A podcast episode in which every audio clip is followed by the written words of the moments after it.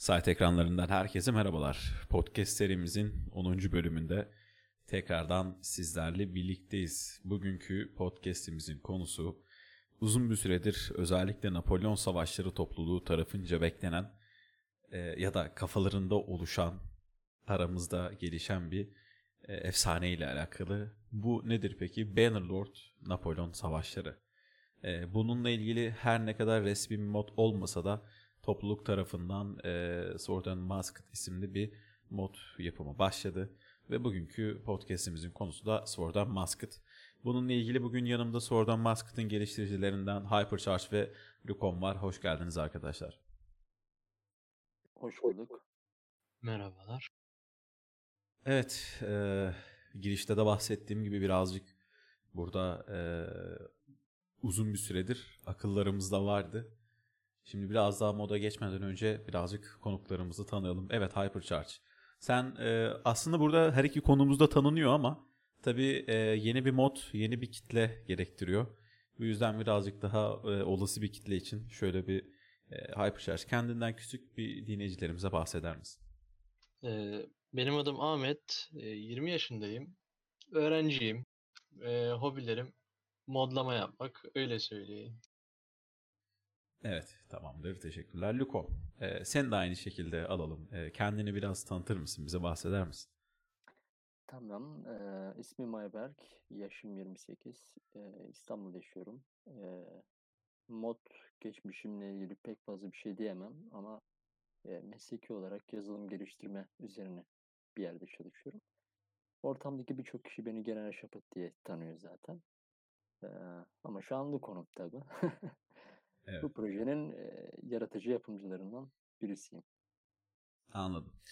Evet dediğim de gibi aslında e, uzun bir süredir bu gerçekten uzun bir süre bir 5 yıla yakın bir süreden bahsediyoruz. Şimdi insanların uzun bir süredir aklında şu düşünce vardı ya arkadaşlar seneye Bannerlord çıkacak biz bu oyunu bırakalım. Şimdi böyle bir düşünce olduğu için e, zaten hali hazırda az olan Napolyon Savaşları kitlesi iyice azalmıştı. Bir de bir e, böyle birazcık daha Tailverse tarafından Bannerlord'un haberleri verildikçe böyle topluluğa kendini tattırdıkça insanlar şey demeye başladı. Yani sonuçta Napolyon Savaşları'nın kitlesi farklı, Native'in kitlesi farklı. Yine Native Bannerlord'a geçtiği zaman standart bir oyunla karşılaşacak. Yani olan Warband'in e, biraz daha gelişmiş bir modülü gibi. Ama tabii iş Napolyon Savaşları'na geldiği zaman çok daha farklı bir şey biniyor ve bu yüzden de ne oldu? İnsanlar dedi ki ya acaba Bannerlord'da Tailverse, e, pardon Bannerlord'da Napolyon Savaşları olacak mı? Tabii bununla ilgili resmi bir açıklama henüz gelmedi. Ee, yani net bir şey yok. Tabii sadece FS Games tarafından, daha doğrusu FS Entertainment tarafından, e, Napolyon Savaşları'nın yapımcısı tarafından bir oyun yapılıyordu ama tabii o da uzun bir süredir e, bahsedilmiyor, kendinden bahsetmiyor. FS forumda da en son ki muhtemelen açtıkları başlıklar aylarca olmuştur. Ondan da bir ses de daha duyamıyoruz. Böyle bir dönemde de zaten Sword Mask gibi bir modla karşılaşmak özellikle de ben ve benim gibi Napolyon Savaşları oyuncular için önem arz ediyor. Evet, e, yavaştan da biraz daha hem mod hem de konuklarımızın üstüne gitmek istiyorum bu konuda. Birazcık bugün darlayalım kendilerini. Evet Hypercharge seni zaten birazcık daha e, forumun modding bölümünde görüyoruz, tanıyoruz ama sen de birazcık kendinden Mountain Blade ve modding geçmişi hakkında birazcık bahseder misin? Tabii ki. Ee, ben 2012'de e, dünya haritası yapmakla başlayan bir modlama hikayem var benim. Ee, 2015'e kadar insanlara yardım ediyordum. İşte e, kod dersleri vesaire veriyordum. Ondan sonra 2015'te mod geliştirmenin moderatörü oldum. Ee, ve 2013'ten e, bu yana e, bu senenin herhalde Mart ayına kadar uğraştığım bir mod üzerinde hani bir, bir mod üzerinde uğraşıyordum. Evet. Bunun üzerinde tecrübeler edindim. İşte bir mod nasıl yapılır, nelere dikkat edilmelidir vesaire. Evet şu evet. anda da e, zaten Sword and Basket üzerine yoğunlaştığını biliyoruz az çok. Zaten e, modla ilgili de detaylı bilgi biraz daha sonra olacağız. Evet Lukon Sen de biraz demiştin çok bir moddingle alakalı bilgim yok diye ama sen de birazcık e, kendi kişisel mod template ve e, modding geçmişin hakkında biraz bize bilgi verebilir misin? Tabii yandık o zaman desene. Ee, şöyle diyeyim, modding olarak e, geçmişim yani profesyonel bir modder olarak elbette yok. Hypercharge'dan hatta bazı şeyleri öğrendim, gördüm, bilinçlendim diyebilirim yani bu konuda benim ustam o. Hı hı. Ee, ama genel olarak e, 2011'den ilk başta Warband'daki sahne yapmayı öğrenmiştim. Ondan sonra e, Fethi abi vardır, Daryl. Hı hı. 2013'te de onun 26. e, kı- klanında e, Napolyon Vars'la ilgili sahneler yapmayı öğrenmiştim. O konuda biraz tecrübe aldım. İşte 2018'e kadar da böyle devam etti. E, mod geçmişim bu şekilde. E, topluluk olarak ise zaten birçok kişi de beni haliyle iyi kötü bir şekilde tanıyor. E, genel olarak e, ortamda bazı organizasyonlar yapmaya çalıştım. Türk ortamını Avrupa ortamında daha iyi temsil edebilmek veya e, Türk ortamındaki klanların Avrupa ortamına hazır çıkabilmesi için ligler falan düzenledim. İşte MVL-TR, CMVL-TR, Süvari ve Piyade versiyonu. Hatta işte İbrahim Paşalar, Sabalar sağ olsunlar. Onun süngü versiyonunu da yaptılar. Böyle organizasyonlar falan düzenledim. Onun dışında yani ortama bir şeyler yapmaya çalıştım. Bir şekilde diyebilirim. Ee, Warband'dan beri bir şeylerle uğraşıyorum. Eski bir Warband oyuncusu olarak. Evet, teşekkür ediyoruz tekrardan da e, her ikinize. Şimdi bir yine bir tekrardan modumuza dönelim. Nedir Sword and Musket? Yani e, biraz moddan bahsedebilir misiniz? Tabii e, buna ben e, şöyle bir cevap verebilirim. Bu mod e, bir kere Napolyon dönemini e, ve tabii ki de atmosferini yansıtan bir mod olacak. Hmm, Piyade, atlı, inşaatçı sınıfı ve topçu sınıfları gibi işte sınıfları barındıracak. E, ve e, Warband'de de e, böyle olsaydı güzel olabilirdi denilecek türden bazı özellikleri barındıracak bir mod olacak bu. Hmm, Modun yapımında Bannerlord'un oyun motorunun biz modculara sunduğu tüm imkanları işte olabildiğince faydalanmaya e, gayret göstereceğiz. Ortaya güzel bir şey çıkarmaya çalışacağız. Evet, Lükon senin de e, katmak istediğin bir şeyler var mı bu konu hakkında? Evet, tabii. Ee, tabii Hyper birçok sözümü çaldı. Bu konuda tam olarak ne diyebilirim bilmiyorum ama ee, şöyle diyeyim, farklı şeyler yapmaya çalışıyoruz. Ee, eski versiyonun remastered versiyonu diyebilirim yani kısa öz olarak.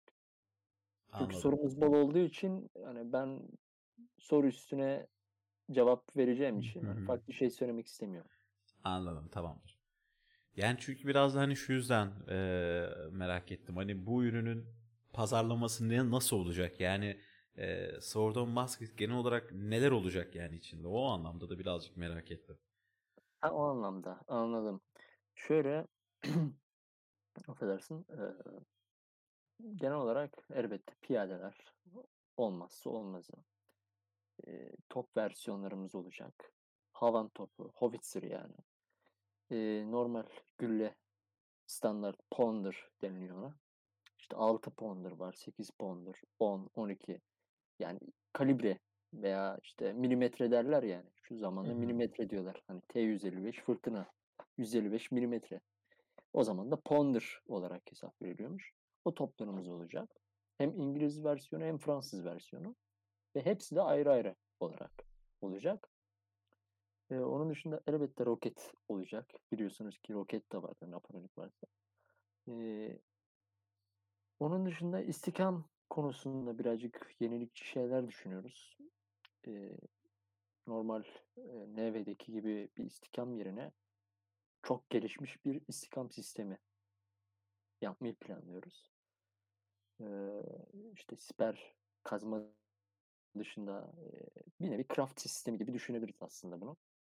Yani bir event esnasında e, vagonlar olacak mesela.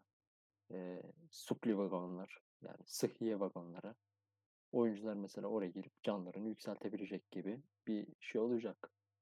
Tabii ona göre de kurallar benimsenecek, ayarlanacak tabii. Topluluk bir şekilde o kuralları oluşturacak. Yani kuralsız olmuyor.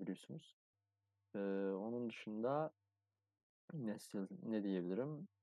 Yeni yeni silahlar, tabii yeni yeni derken abartmayacağız. Tarihin akışını değiştiren silahları almayacağız. Mesela Piştov olacak ama altı patlı olmayacak. O versiyonda yoktu.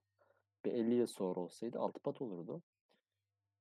Ee, musketler, piştovlar. Onun dışında e, Easter egg mi diyorlar? Ne diyorlar ona? Böyle sürpriz silahlar falan Hmm. derler yani. O tür şeyler eklemeyi düşünüyoruz. Tabii tam detay vermeyeyim ama eğlenceli şeyler çıkacak diyebilirim. Ee, ulusları Hyper söylesin. Tabii orada da bir sürprizimiz var. Evet Alper. Yani boostlama mesela eee, bir bayraktar, bir officer veya eee, birkaç tane böyle bir durum işte müzikçilerin falan böyle eee, bir araya gelince oluşturabilecekleri şeyler var. Eee, mesela hızlar ne bileyim Mesela bir trompetçi e, bir müziği çalmaya başladığında işte e, yakınındaki belli yakınındaki şeyler insanlar e, hızlı koşmaya başlayabilirler ya da böyle güçleri daha çok olabilir. E, bunun gibi böyle e, yetenek olayı da e, eklemeyi düşünmüştük. E, henüz planlama aşamasında. Öyle söyleyeyim. Peki bu bonuslarla ilgili şimdi e, Napolyon Savaşları'nda aslında bonus sistemi çok güzel bir sistem. Neden? Hani hem işin biraz daha rol kısmını hem işin biraz daha eğlence faktörünü arttıran bir e, unsur ama tabii bu hani topluluk tarafından çok benimsenen bir şey olmadı çok. Yani özellikle maçlarda ya da etkinliklerde genelde bonusları kapatıyorlardı. Yani bununla ilgili tekrardan oyunculara böyle bir fırsat sunulacak mı yoksa bu bonuslar, bu tarz yenilikler oyunun bir parçası olunmaya zorlanılacak mı biraz daha? Hmm, o konuda e, henüz bir bilgim yok. Onu Lukon e, cevap verebilir. Ee, tabii Hyper'ın da daha demin bahsettiği gibi bonuslarla ilgili e, tam anlamıyla farklı farklı e, işte hat piyadeler için, hafif piyadeler için veya muhafız piyadeler için Grenadier yani bizim el bombacısı diye dediğimiz yagerler falan her birim için farklı farklı bonusları yapmayı düşünüyoruz. Ee, işte biliyorsunuz ki multiplayer Bannerlord'da da benzer bir skill'ler falan var işte zırh veriyor ama yavaşlık veriyor gibi. Ee, böyle skill'ler falan yapmayı düşünüyoruz. At piyadeler için mesela ee, ateş esnasında rakibin 7 saniye hareket kabiliyetinin bozulması gibi. Moral düşüklüğü olur yani baskın ateş esnasında. Onun gibi. Onun dışında topçular için eğer yanında bir davulcu falan varsa yüzde otuz E, Hızlı doldurma yani ya da evet 60 saniye boyunca yüzde otuz 60 saniye boyunca hızlı doldurma. Süvariler için hareket kabiliyeti. Yine ağır süvariler için de e, yüzde on beş fazladan zırh desteği, takviyesi. E, medikler olacak. E, yani şöyle diyeyim. Tabii şu an ben halihazırda e, listemden bakıyorum. E, listemde birçok şey görüyorum ve senin sorun ise evet açılıp kapanma olacak. Ama bizim hedeflediğimiz açılıp kapanması elbette. Anladım. Ama serverlar geldiği zaman daha iyi olacak haliyle. Biz de bunları şimdi e, dengelemeye çalışmıştık. Mesela hussarlara işte e, bir özellik verelim dedik. İşte hızını e, arttırsın ama dönmeyi e, yavaşlatsın ki hani e, bir Bir dengeli bir birlik olsun aynen en bir dengeli olsun böyle. Ya da e, mesela atıyorum e, yagerlere diyelim ki bir şey verdik. E, %30 e, nişan alma bu accuracy'yi verdik. Ama e, hızını %50 işte düşürdük gibi. Böyle bir e, dengeleme olayına gittik. Henüz test edemedik çünkü bu serverlar yok henüz. Elimize geçtiğinde işte modculara paylaşıldığında bunları da test etme imkanımız olacaktır. Evet dengeleme unsuru güzel olmuş. Çünkü mesela Bannerlord'un halihazırda kendisinin olan çoklu oyuncusunda çok güçlü birlikler var. Hani bu birlikleri aldığınız zaman e, birazcık da oyunculukla birlikte garanti bir galibiyete götürebiliyorsunuz. Yani e, özellikle atlılarda ağır süvarilerin, özellikle de kargılı süvarilerin yani karşınıza 6 tane kargılı süvari geldiği zaman çok büyük bir hezimet yaşıyorsunuz. Ama bu yönden de elbette dengelemelerin gelmesi sınıflara hem e, topluluğun kendisi için hem de oyuncuların e, sağlığı için diyelim birazcık daha iyi bir durum. Peki burada e, Lucon birazcık daha erkenden de şey demişti hani mesela İngiliz topu, Fransız topu. Burada hani sanıyorum ki birazcık daha işin e, arka planına da zaman harcanıyor. Bu tarihsel şeyin de dışında, araştırmanın dışında genelde en çok hangi alana zaman ayrılıyor? İşte modelleme olsun, sahneleme olsun. Yani Napolyon'dan ayıracak olarak şeylere daha çok neye odaklanıyor? Yani tarihi e, yapıya genellikle biz odaklanıyoruz. Mesela bir topun e, ne zaman kullanıldığını, hangi zamanlar arasında kullanıldığını, e, üzerinde ne simgeler olduğunu ya da ne bileyim mesela bir bayrak olsun, bayrağın üzerinde kralın Alman lejyonunun şeyi olsun ama e, başka bir bayrak daha var. Bu da sadece e, bir mesela diyelim ki prensin bir bayrağı. Hani bu şekilde ayrımlara da dikkat ediyoruz böyle. E, çünkü bu olabildiğince tarihsel ve e, olabildiğince eğlenceli e, gözükmesi için de uğraşıyoruz hem. E, insanlar zaten e, tarihe uygun olup olmayacağını e, bakacaklardır diye düşünüyorum. Evet peki bu e, modelleme ve kodlama konusunda genelde e, nelere dikkat ediliyor daha çok? Hani farklı modeller görebilecek miyiz oyun esnasında? E, farklı modeller görülebilecek ama e, şu an için kodlama konusunda henüz bir bilgi veremem. Çünkü kodlamanın e, aletleri henüz, e, araçları henüz yayınlanmadı. E, biz sadece ses ekleme konusunda veya item ekleme konusunda bir şeyler yaptık XML dosyalarından. Evet. O kadar yani. Henüz C Sharp ile ilgili bir e, adım atma şansımız olmadı. Bu da yine oyunun modding tool'uyla alakalı sanırım. E, yani henüz onlar yayınlanmadığı için biz de çok e, elleyemiyoruz yani imkanımız olmuyor o kadar. Evet. Aynı şimdi- zamanda Evet böyle. e, aynı zamanda e, şöyle bir şey var. Hyper'ın da dediği gibi işte kodlama araçları tam anlamıyla e, kodlama sistemi olmadığı için mod araçların biz tam anlamıyla bazı şeyleri yapamıyoruz. XML ve DLL dosyalarıyla artık bir şekilde Visual Studio Evet. artık bir şekilde Visual Studio üzerinden yapmaya çalışıyoruz bir şeyleri. Onun dışında e, model üretimi e, oluyor.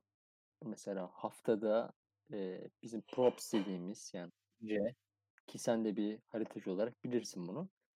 Mesela bir ağaç, bir props diye geçer, obje diye. Onları üretiyoruz ve çok iyi bir organizasyon oluşturduk ki 10 gün içinde hemen hemen bir 12 yakın obje ürettik.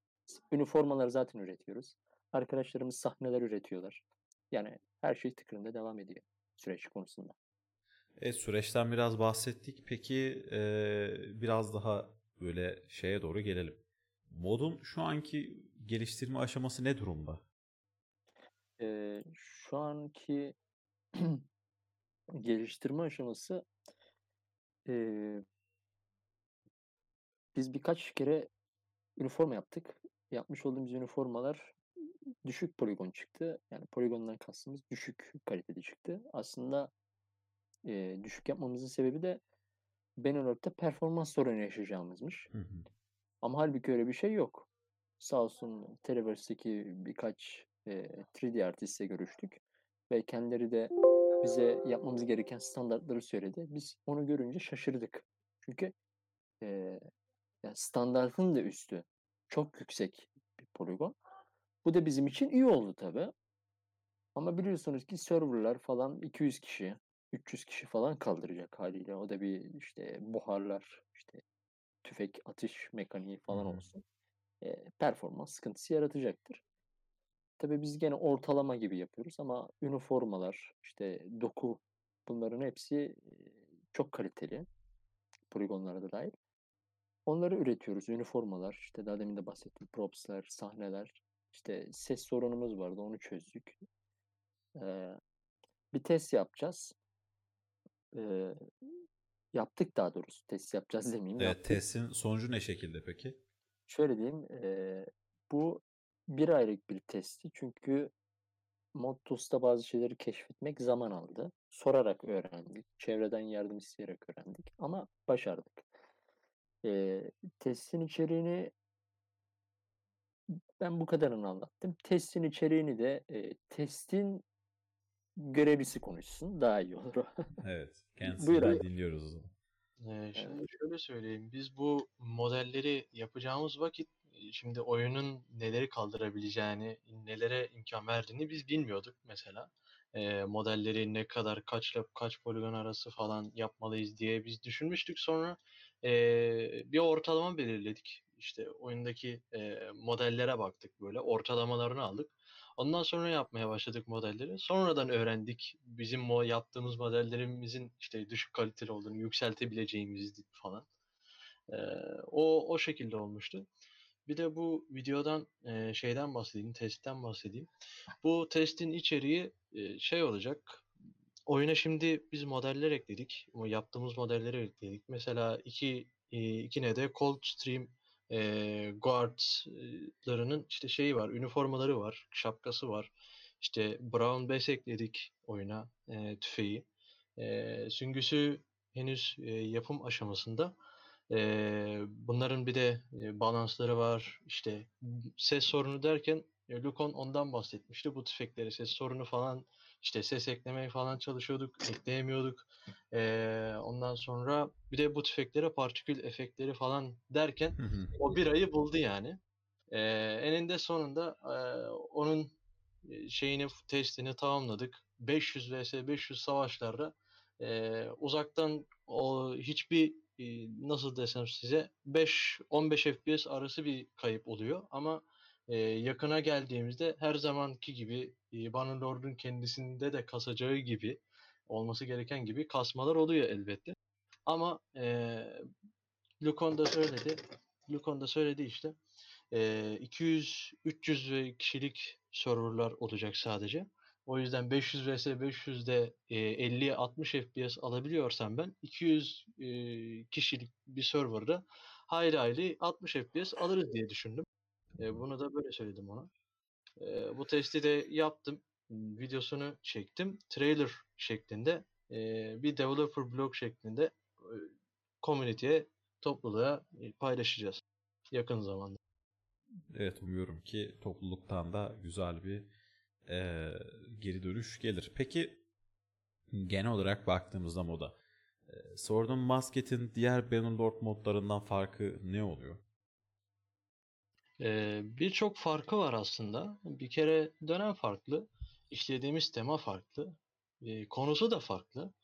Ee, diğer modlarla olan tek benzerliği e, sanırım yakın dövüş mekanikleri olacaktır. Çünkü bir alttan bir üstten vurma, e, bir de sağdan soldan vurma. Hani Hı hı. bir de atış mekanikleri işte e, uzaktan vurma hani e, ranged. E, bir de onlar var yani hani bir tek benzerliği onlar olacaktır diye düşünüyorum. Peki farklılık olarak ne şekilde bir farklılıklar göreceğiz? Ee, Bannerlord modlarından e, farkı mesela hmm, top yerine mancınık olacak ya da e, şey pardon yanlış söyledim. Mancınık, Mancınık yerine yerine top, Evet. e, üniformalarımız olacak, e, savaş düzenimiz değişecek, e, hat şeklinde gideceğiz veya e, açılık nasıl deniyordu o pozisyonu unuttum şu an. E, neyse işte e, farklı farklı formasyonlarda e, savaşacağız. Farklı farklı e, savaş stilleri, bu stratejiler falan da e, şimdi yeniden oluşacak. Normalde Bannerlord'da stratejiler e, biliyorsunuz işte e, öne piyadeleri koyuyordunuz. Sağa sola atlıları koyuyordunuz. Piyadelerin arkasına okçuları koyuyordunuz. Bir tepeye yerleşiyordunuz. Düşmanla öyle savaşıyordunuz mesela. Evet. E, evet. Bunun için e, Bannerlord'da mesela bu da değişecek. E, buna da ismine biz Advanced e, Movement e, Formation diyeceğiz. E, bunun toplam şeyine. E, öyle söyleyeyim. Yani birçok farklılığı olacak. Bir kere zaten dönem farklı oldu mu dönemin gerektirdiği e, şeyler de farklı oluyor. Bulundurduğu, barındırdığı şeyler de farklı oluyor. Bir de e, şöyle bir şey de var. Tabii Hyper bazı şeyleri belirtti. E, normal eski Napolyonik Vars'ta sadece 1807 ile 1815 yılları arasındaki ordu üniformalarını işliyorduk. Bizdeki olay 1789 ile 1815 arası olacak. Yani Fransız ihtilalinden. Daha evet. geniş bir süre farkından evet. bahsediyoruz burada. Ve aynen ve e, farklı üniformalar olacak, fazla üniformalar olacak. Mesela evet. bazı e, şu an bakıyorum karşımda bir liste var. Sadece İngilizler için 7 hat piyadesi, 2 muhafız piyade, 2 e, grenadier dediğimiz birim, Hı iki hafif piyade, iki tüfekçi, bir deniz piyadesi, iki topçu birliği olacak. Sadece bunlar piyade sistemi. Süvarileri ve özel sınıfları saymadım bile. Onlar da sayılırsa bir 7-8'li süvari eklesek büyük ihtimal bir e, 30'a yakın bir şey olur sadece bir İngiliz için. Fransızları saymadım bile düşünün. Ama bir 15 ile 25 arası gene bir Fransız birimleri olur. Yani dönemsel farklılıklık var bizde. Ee, evet. Ama bizim en çok önem verdiğimiz olay süngü mekaniği. Çünkü eğer bir süngü mekaniğini kötü yaparsak insanları küstürmüş oluruz bu moda. Evet zaten yani Napolyon savaşlarının kendi temel elementi de hani orada zaten süngü mekaniği oluyor. Çünkü kötü bir süngü insanları oyundan e, uzaklaştıracak bir sebep olabilir. Mesela ilk Bannerlord çıktığı zaman da bu birazcık e, etki etmişti. Ee, hani bu savaş mekaniğinin farklı olması. Tabi bu şöyle de bir durum var. Hani Napolyon savaşlarının savaş mekaniği daha spesifik, daha özel bir kurgulanmış bir savaş mekaniği. Şimdi öyle olduğu için ne oluyor? İnsanlara daha da iyi bir şey sunulması gerekiyor. Tabi bu da birazcık daha kritik bir durum oluyor. Ama umuyorum ki zaten o da sağlam Evet de e, şöyle bir şey tabii yeni soruna geçmeden kusura bakma sözünü Yok, kes. E, bu süngü ile ilgili biz yine alternatifler üretmeye çalışıyoruz. Ne gibi alternatifler? Mesela e, şu an Benelord'da belki biz dinleyecek olan arkadaşlar da Benelord'da Spear kullanmış olanlara özellikle söylüyorum. Spear'da bir aşağıdan vurma var, bir yukarıdan vurma var. Hı hı. Bazı Spear'larda. Menevyonlar hariç. Onlar soldan da vuruluyor, sağdan da vuruluyor. Spear sistemi tıpkı NV'deki gibi. Biz ondaki süngü sistemini ayarlamayı düşünüyoruz yani uyarlamayı düşünüyoruz ama animasyoncu arkadaşımız bize e, ona benzer daha alternatif ve tatlı bir süngü animasyonu da yapabileceklerini söylüyorlar. Ayrıca daha demin e, bir şey açıkladık. Bakın bunu e, söylemeyi unuttuk. Hem Hyper hem ben ama şimdi geldi aklıma. Bu animasyon olayına girmişken animasyonlar konusunda bizim e, planlarımız farklı. Çok Hı-hı. eğlenceli planlarımız var. E, mesela X tuşuna bastığımız zaman e, süngü takma ve tekrar X'e bastığımızda süngü çıkarma animasyonu gibi bir şey düşünüyoruz. Veya mermi doldurduğu zaman işte çantasını çantasından bir şey çıkarıp da tabi o birazcık zorlayacak bizi Hı-hı. ama Sadece bahsetmiş olduğum bir test ama e, süngüyü tüfekten yani musketten takma çıkarmayı kesin yapmayı planlıyoruz diyebilirim. Evet. Böyle animasyonlar olacak. Güzel. Görsel animasyonlar. Bu kadar yani. Farklılık. Evet, zaten genel olarak baktığımızda da hani temel yapı olarak da Napolyon savaşlarından daha e, ayrıntılı bir şeyler göreceğiz ama e, tabii animasyon konusunda da farklı şeyler görmemiz illaki oyuncuların da oynayış zevkini daha da arttıracaktır. Peki Napolyon Savaşları'nın e, single player bir tarafı yoktu. Hani daha çok hatta tamamen çoğu değil tamamen bir e, multiplayer dönüyordu. Bildiğim kadarıyla sizde single player da var. Neden e, böyle bir mod için tekrardan bir single player kurguladınız? Ee, şöyle söyleyeyim. Daha önceden işte siz de söylediğiniz e, Napolyon dönemini ele alan e, single player modu e, daha doğrusu değil, DLC Napoleonic Wars'ta e, single player hali yoktu. E, ama bir modu vardı onun. E, bir legal modu vardı. Bir de multiplayer'i ele alan e, Napoleonic Wars vardı. Biz bu ikisinin e, tek bir noktada e, birleşimini sağlamak istiyoruz. E, öyle söyleyeyim. İlaveten e, hikaye moduna gelecek olursak daha demin de bahsettiğim üzere 1789 ve 1815 yani hemen hemen bir şimdi tam hesaplama yap, yapamıyorum ama Hı hı. uzun bir yıl var. Yani 100 yıl atlama falan var. E, 1789'da neler olduğunu zaten biliyoruz hepimiz. Çünkü o çağda yaşıyoruz zaten. E, Fransız ihtilali konu alacak. Aynı zamanda Fransız ihtilalinin neticeleri sonucunda devrim savaşları, işte Fransa'nın çöküşü, Cumhuriyete geçişi, Cumhuriyetten sonra tekrar meşrutiyet ilanı, sonra onunki darbeyi yapıp yani Fransa'nın o dönemlerdeki karmaşıklığını göstereceğiz. Hı.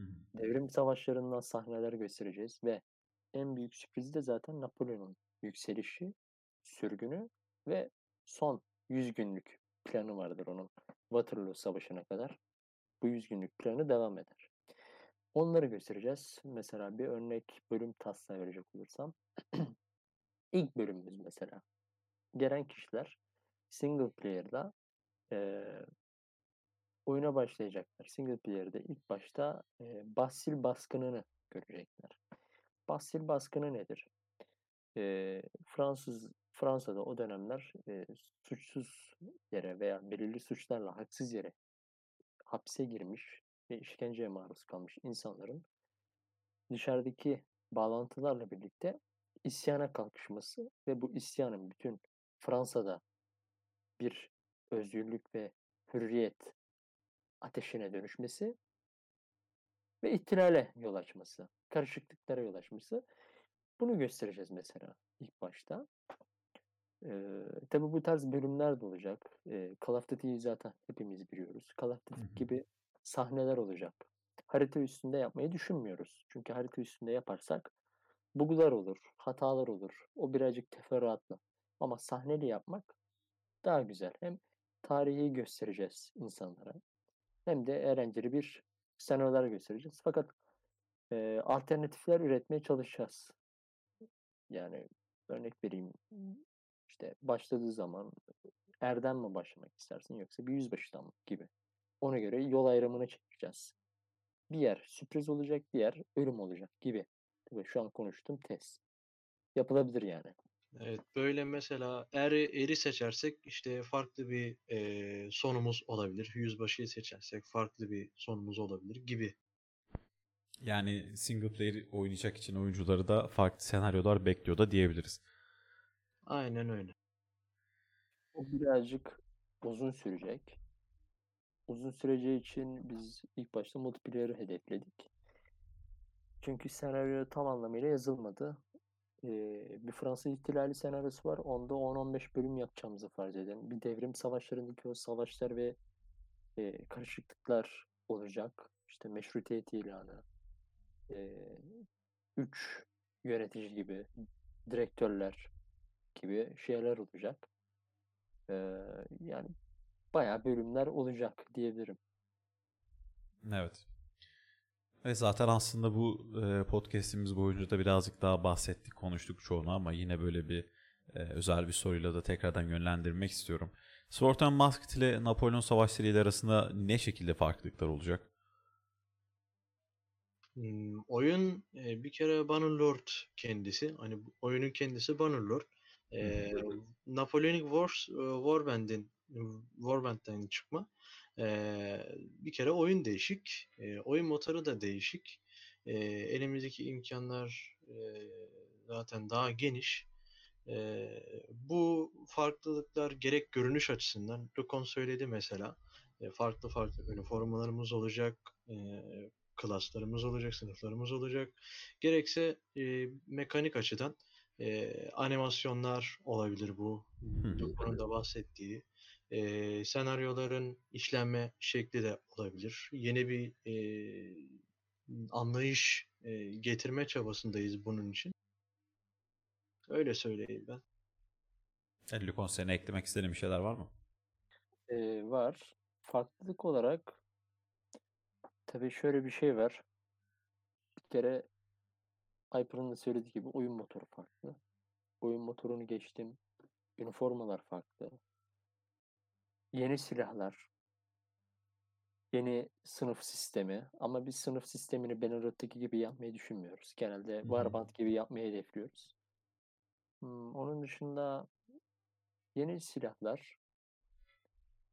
Hmm, yani o kadar çok şey var ki onları düşünürken veya size söylerken bile unutuyorum diyebilirim. Evet. Ee, ya topluluğu yeniden canlandıracak ve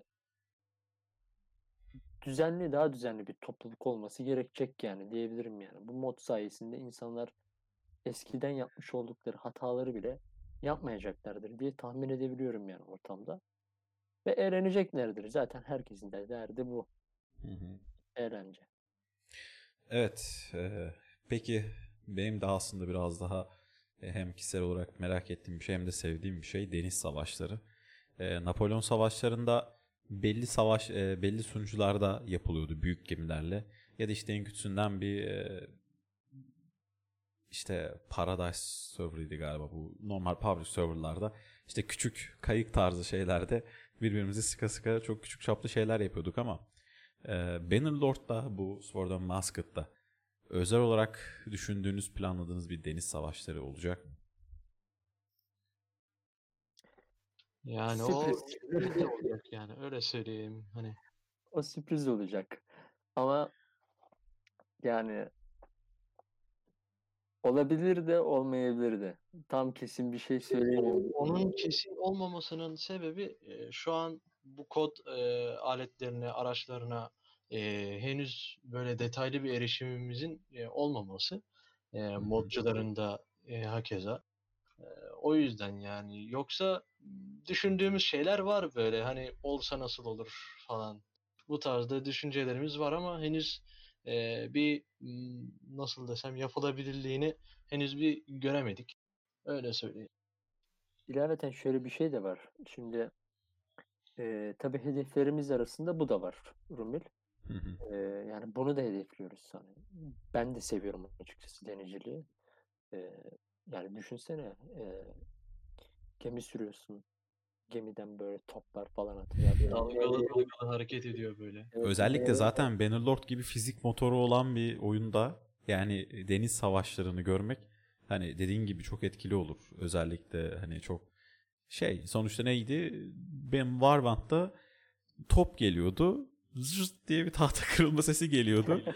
bir duman çıkıyordu. Bitiyordu olay. Yani o gemide açılan bir yarı görmek her ne kadar sistemleri zorlayan bir şey de olsa hani bu sevindirir yani işte oyuncuları bu bu tarz ince detaylar güzel oluyor. Şöyle diyebilirim. Bizim kodlama ekibinde Houston Krieger diye birisi var. Houston Krieger kim? Ee, Napolyon Vars'ı yapan kişilerden birisi. Ve Mini Naval diye bir server var. Hı hı.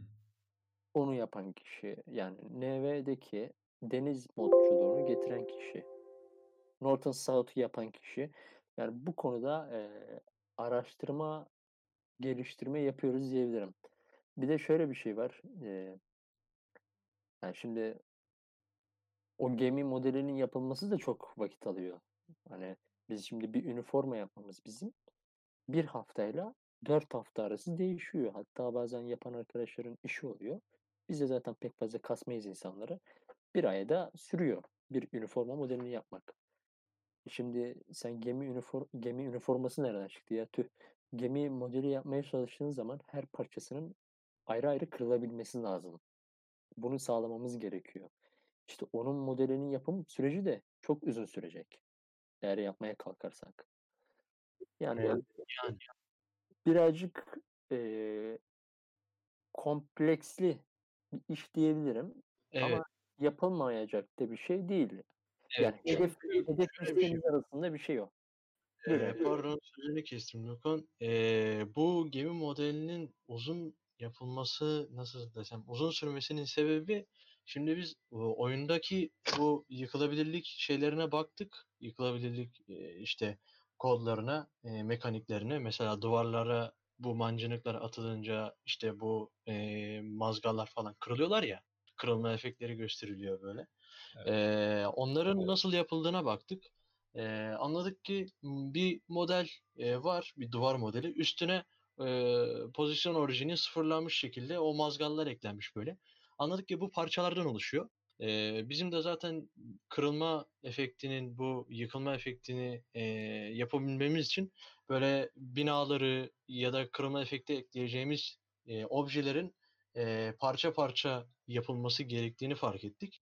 Eee, o gemi modelini yapacaksak da her parçasının ayrı ayrı kırılabilmesi için ayrı ayrı modellenmesi gerekiyor mesela. Hı hı. Ondan sonra onun tek bir şekilde birleştirilip gemi haline e, gözükmesi lazım. O yüzden uzun sürüyor. Onu onu söylemek istedim. Yani yine bu da aynı şekilde bayağı bir zahmetli bir işlem de diyebiliriz. Evet. Evet peki sonraki sorumuza hemen geçelim. Bu kadar uzun uzun konuştuk. Siz kendi e, geliştirici ekibiniz olarak projenizin gelişimini ne şekilde düşünüyorsunuz? Yani kendinizi ne düzeyde hissediyorsunuz şu anda? Bir yüz, mesela yüzdelik bir değer verme istediğimiz zaman yüzde kaç diyebiliriz? Hmm. Şöyle Televerse Bannerlord'u halen geliştiriyor biliyoruz. Hı hı. Yani halen Early Access da oyun. Erken erişimde. Ee, bunun tam erişime geçmesi lazım ki e, bizim için de e, bazı şeyler ulaşılabilir olsun. Yüzde kaç diye diyecek olursam yüzde beş diyebilirim. Evet. Yüzde beş. Şu an hedefimiz yüzde on yoluna çıkmak. Ee, yani bu testi yapmamız yüzde beşi gösteriyor. Tabii yolun başındayız. Ama yolun başında olduğumuz halde de üretmiş olduğumuz içerik çok. Ama 5 ay sonra bize göre az olacak tabii. Yeni üreteceğimiz içeriklere göre. Evet. Peki bu e, %5'lik bir durumdan bahsettik. Ortalama projenizin ne zaman yayınlanacağı ile ilgili bir net bir bilginiz var mı? Biraz da aslında kestirmesi zor bir soru ama. Kendimi Armanya gibi hissettim şu an. Tarih veremiyoruz abi ya. Yani yani gönül ister ki yarın çıksın. Yani ama tarih veremiyoruz yani. Hmm, yani hedefimizi açıklarım ama hedefimiz tabii şey gerçek değil. Yani multiplayer'ı bir yıl içinde, single player ise iki yıl içinde çıkarmak. Hı hı. Böyle diyebilirim. Ama tabii bu sadece bir laf. Hedef yani. Tam kesin bir detay yok. Yani sonuçta ilerleyen günlerde neyin ne olacağı, bizi nasıl etkileyeceğini kestirmek zor. Hani bu yüzden de Kesinlikle. yani net bir şey de söylemek zor. Çünkü halihazırda bile Bannerlord kendini tam olarak e, doyuramamış durumdayken çoğu mod yapımcının bu tarz şeyler hakkında aslında konuşması biraz kritik yani. Yaş tahtaya basmak gibi de diyebiliriz. Hani evet. bir, be- ben yani Taylor çıksa dese ki biz arkadaşım daha da fazla Modus yayınlamıyoruz ne yaparsanız yapın dese hani burada elleri kolları bağlanacak ya da daha farklı bir şeyle ilgili. Ama tabii umuyoruz ki burada yine e, Taylors'tan beklentimiz oyunu olabildiği kadar hızlı bir şekilde ilerletmeleri, olabildiği kadar e, oynanabilirliğini arttırmalarını ya da işte bu bizim gibi işte birazcık daha oyun oynamaktan ziyade farklı işler yapmaya çalışan insanlar için elverişli hale getirmelerini artık en yakın sürede bekliyoruz diyelim kendilerine de burada. Taylor'sa. Evet. Yani Evet. umarım.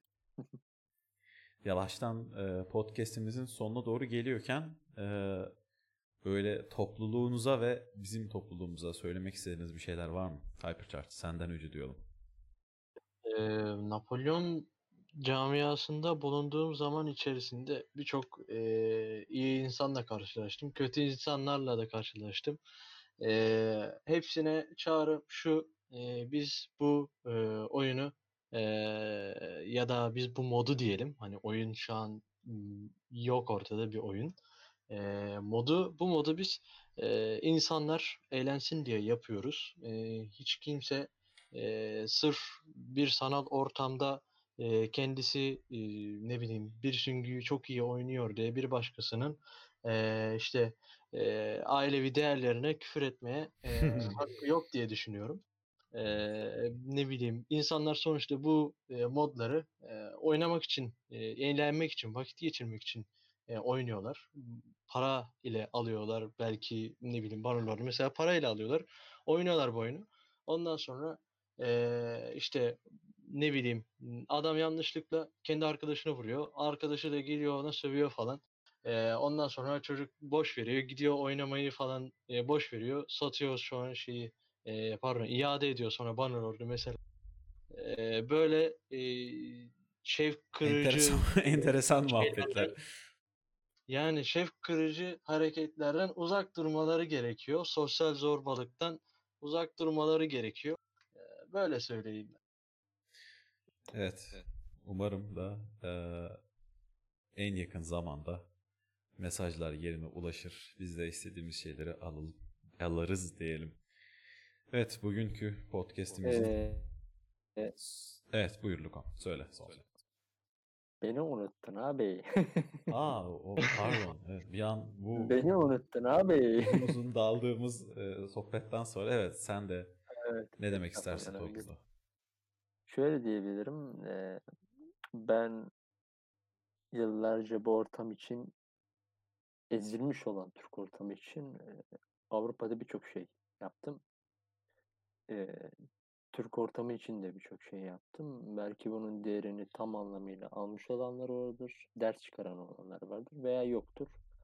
Tabii o kişinin kendi tercihidir. Saygım var. Viper'ın da söylemiş olduğu gibi her ortamda bir sosyal zorbalık var. Yani sadece bizim Napolyonik varsa değil. Ee, yani Barbant ortamında da var mesela. Tabii. Barbant ortamında daha çok hatta var. Ama sadece bizler çok fazla göze battık. çok fazla göze battığımız için e, bu tam anlamıyla olmadı. Olaylar oldu biliyorsun. E, şunu söyleyeyim kısaca. Ben hiçbir zaman bu ortamda Türkiye'yi temsil ederken hiç kimseden çekinmedim. Kısa zamanda devasa bir ekip kurduk. Bu ekibi toplamak hiç zor olmadı. Ama ekibi gayet çeki düzen verdik ve profesyonel bir ekip diyebilirim yani gerçekten. İyi ki bu ekibi toplamışım. Sadece arkadaşlarımız Türk olduklarıyla gurur duysunlar. Bu ortamda ellerinden geldiği kadar Türkiye'yi temsil edebilecek her türlü etkinliğe Türkiye milli takım altında katılsınlar. Benim diyebileceğim şey şu. Ve kendilerine güvensinler.